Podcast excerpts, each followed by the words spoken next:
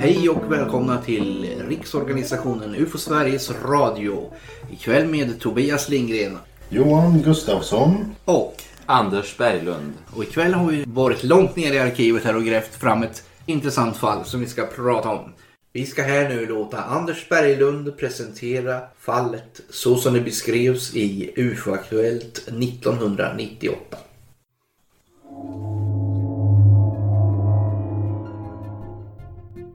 Den 11 oktober 1995 vid sjutiden på kvällen satt Iva-Britt Bisse Julén i Tallåsen norr om Ljusdal och tittade på TV.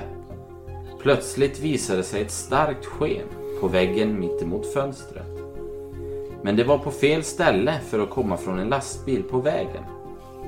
Hon blev nyfiken och gick fram till fönstret. Det var ett fruktansvärt intensivt blåvitt sken som jag inte riktigt kan beskriva, säger Iva-Britt. Det svävade alldeles över grannens tak bakom några björkar och rörde sig sakta upp och ner. Det var som ett klot av eld.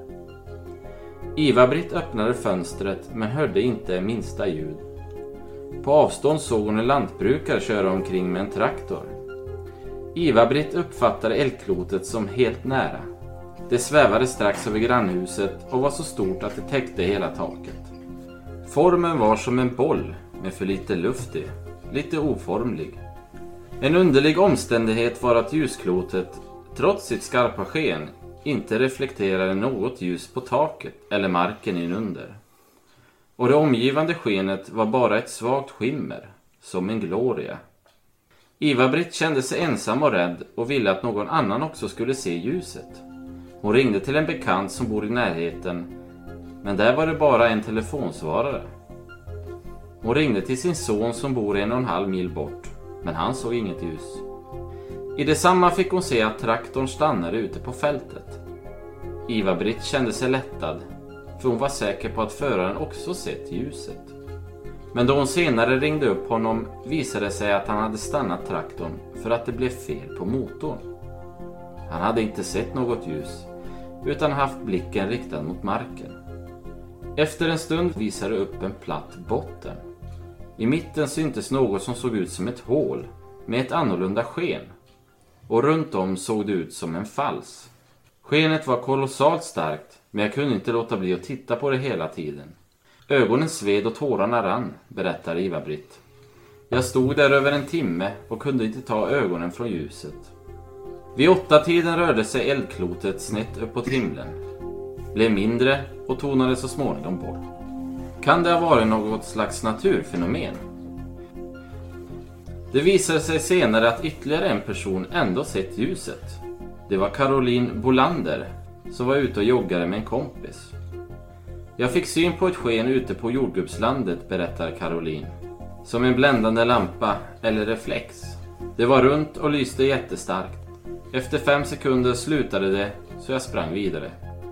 Antingen skymdes ljuset tillfälligt av något från Carolins synvinkel, vilket fick henne att flytta sin uppmärksamhet, eller också tedde sig fenomenet annorlunda från hennes håll. Det är i själva verket en ganska vanlig iakttagelse.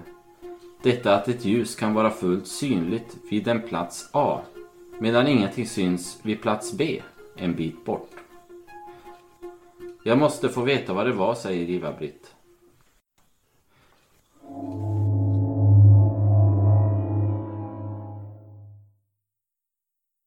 Det är ju ett lite intressant fall det här på många sätt och vis.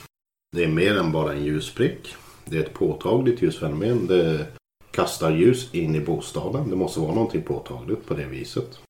Vi har att göra med fysiologiska effekter. Försämrad syn som på ett eller annat vis har satts i samband med observation. Vad säger du Anders om en sån här iakttagelse? Om vi bara ser till själva beskrivningen. Om vi bollar den lite grann. På pappret är det ett väldigt intressant fall. Vi har att göra med en eh, observatör som bedöms helt trovärdig. Som uppenbarligen har varit med om någonting eller sett någonting. Eh, vi har datum, vi har tidpunkt som gör att eh, vi kan göra en grundlig undersökning. Intressant är även effekterna på hennes syn. Man hade gärna velat veta här om synfelet kom då eller om det fanns tidigare. Vad fanns det på himlen vid den här tidpunkten? Det är det väl första man kollar upp. Fanns det någonting på himlen som kan förklara hennes, vad hon har sett? De undersökande stegen som man skulle vilja lyfta fram i det här fallet. Vad säger du Tobias? Om Jag tycker ju alltid att det är intressant att börja med att kolla på en karta hur omgivningen ser ut. Finns det någonting i omgivningen som kan förklara det hela? Mast eller någonting. Någonting som har någon ljuskälla som någon kan missta sig på. Sen så tänker jag på det här med observationens längd. Vad är det som får en person att fastna i en observation i 30 minuter utan att vilja se den från en annan synvinkel? Ja, absolut. Det finns ju anledning att lyfta fram vissa särskilda aspekter i det här fallet, tycker jag. När jag läste den här rapporten första gången så vart jag ju ganska intresserad utav det. När jag sen började detaljstudera det här fallet lite närmare så väcktes det flera frågetecken. Och ni har ju lyft fram flera utav dem här. Det finns en händelsebeskrivning. Men det finns inte några undersökningar gjorda. Inga kontroller av luftrum.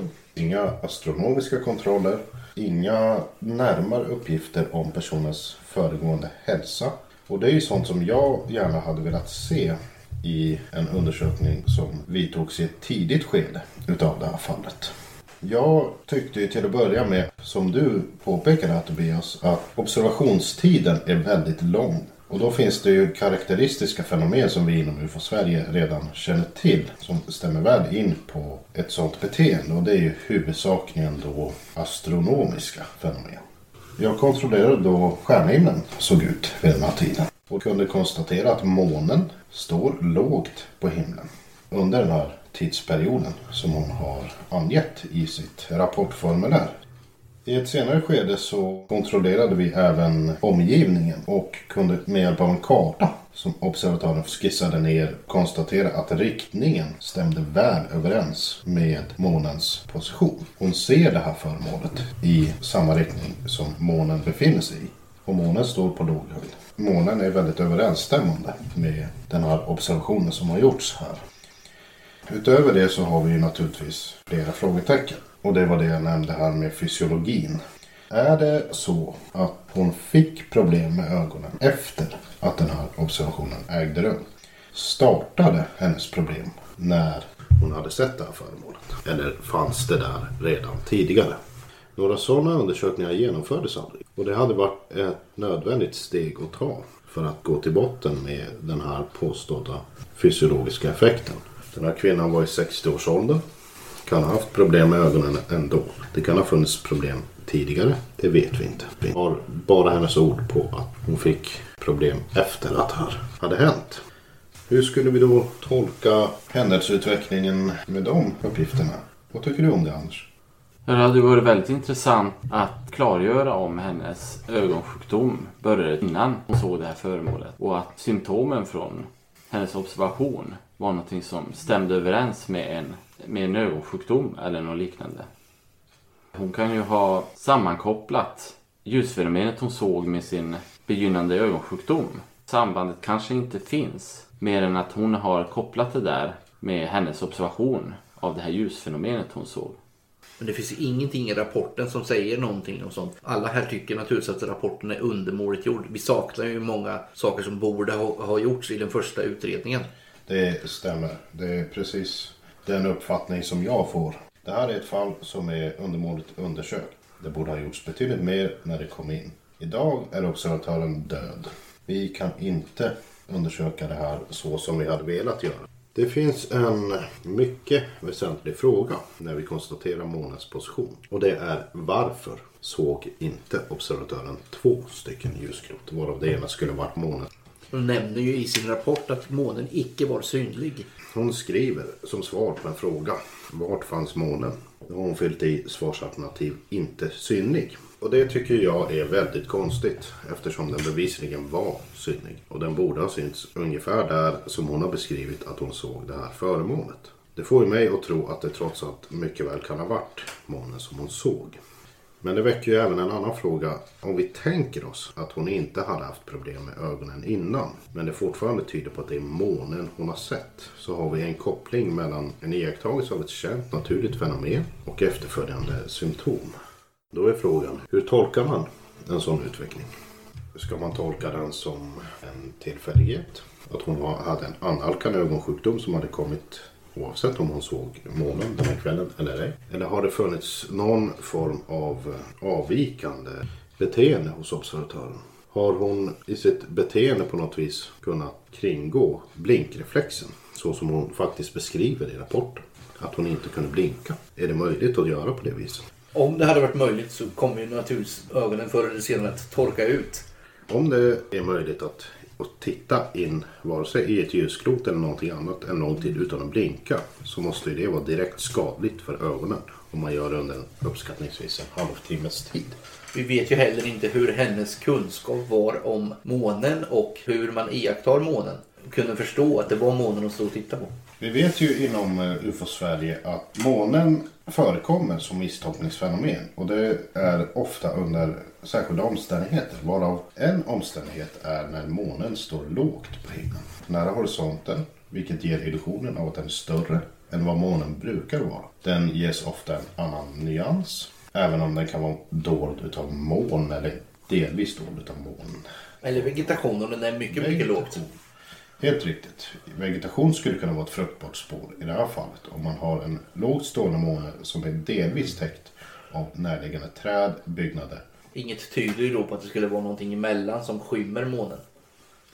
Nej, i det här fallet har det inte varit det. Utan det är förmodligen månen hon har sett. Så har vi att göra med den låga altituden på himlen som har lurat observatören. Folk är ju vana att se månen men de är inte alltid vana att se den under samtliga förhållanden. Som när den står lågt, man ser den i förhållande till omgivning som man inte är van vid. Man får ett annat perspektiv på månen. Därför tror man inte att det är månen man ser. Eller man förstår inte att det är månen man ser. Personligen så betraktar jag ju den teorin som ett fruktbart spår. Men det hade varit oerhört positivt om vi hade kunnat fått ytterligare dokumentation, ytterligare undersökningar i ett tidigare skede som hade kunnat ge svar på hennes fysiska hälsa. Så jag tycker vi kan betrakta det här fallet som ett intressant fall. Men som ett exempel där vi har anledning att vara självkritiska mot vår egen organisation. Därför att viktig dokumentation kringgicks i det tidigare läget i ingångsskedet. Vilket har lett till att det finns obesvarade frågor kring det som Bisse Julén såg den här kvällen. Kan vi då konstatera att det är månen som hon har sett? Vi har ju en, en, en observation som faktiskt skulle kunna vara samma sak som har setts samma kväll. Även om vi har viss brist i även den rapporten. Där datumet inte är fastslaget men den har skett på exakt samma plats. Ja, det stämmer. Det var en ung tjej som var ute och tog en joggingrunda. Hon såg över ett, en åker strax efter 19-tiden på kvällen. Så ser hon ett lite ovalt, starkt lysande klot. Hon ser det här förmodligen i samma riktning som Bisse Problemet är att den här kvinnan inte har något datum för sin iakttagelse. Utan vi kan endast bygga oss en hypotetisk gång. Sambandet är ju lokaliteten Precis, de är geografiskt sammankopplade. sammankopplade. Men tidsmässigt så har vi inte något, något säkert svar. Vi vet att observatören i det senare fallet uppgett att hon såg det här 1995. Men hon har hela året som spann där. Men observationerna är ju för övrigt ganska samstämmiga även i ob- objektbeskrivningen. Det är ju inte taget ur luften att vi lägger dem på varandra. Det är det absolut inte. Det finns skäl att misstänka att de mycket väl kan ha sett samma sak. Däremot var ju hennes observationstid väldigt mycket kortare. Hon beskriver ju ett föremål som inte var månen. Men kan hon också ha sett månen? Om hon såg det här samma datum så tyder det mest på att hon också såg det i samma riktning som månen befann sig i.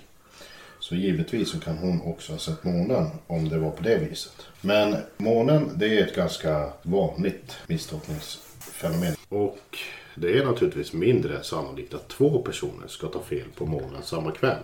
Men som det ser ut nu så kan vi varken konstatera eller utesluta att det är på de viset.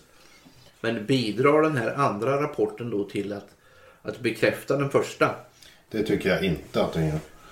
Så den, den betyder egentligen ingenting i sammanhanget. Den kan ses som en intressant detalj i sammanhanget, det tycker jag.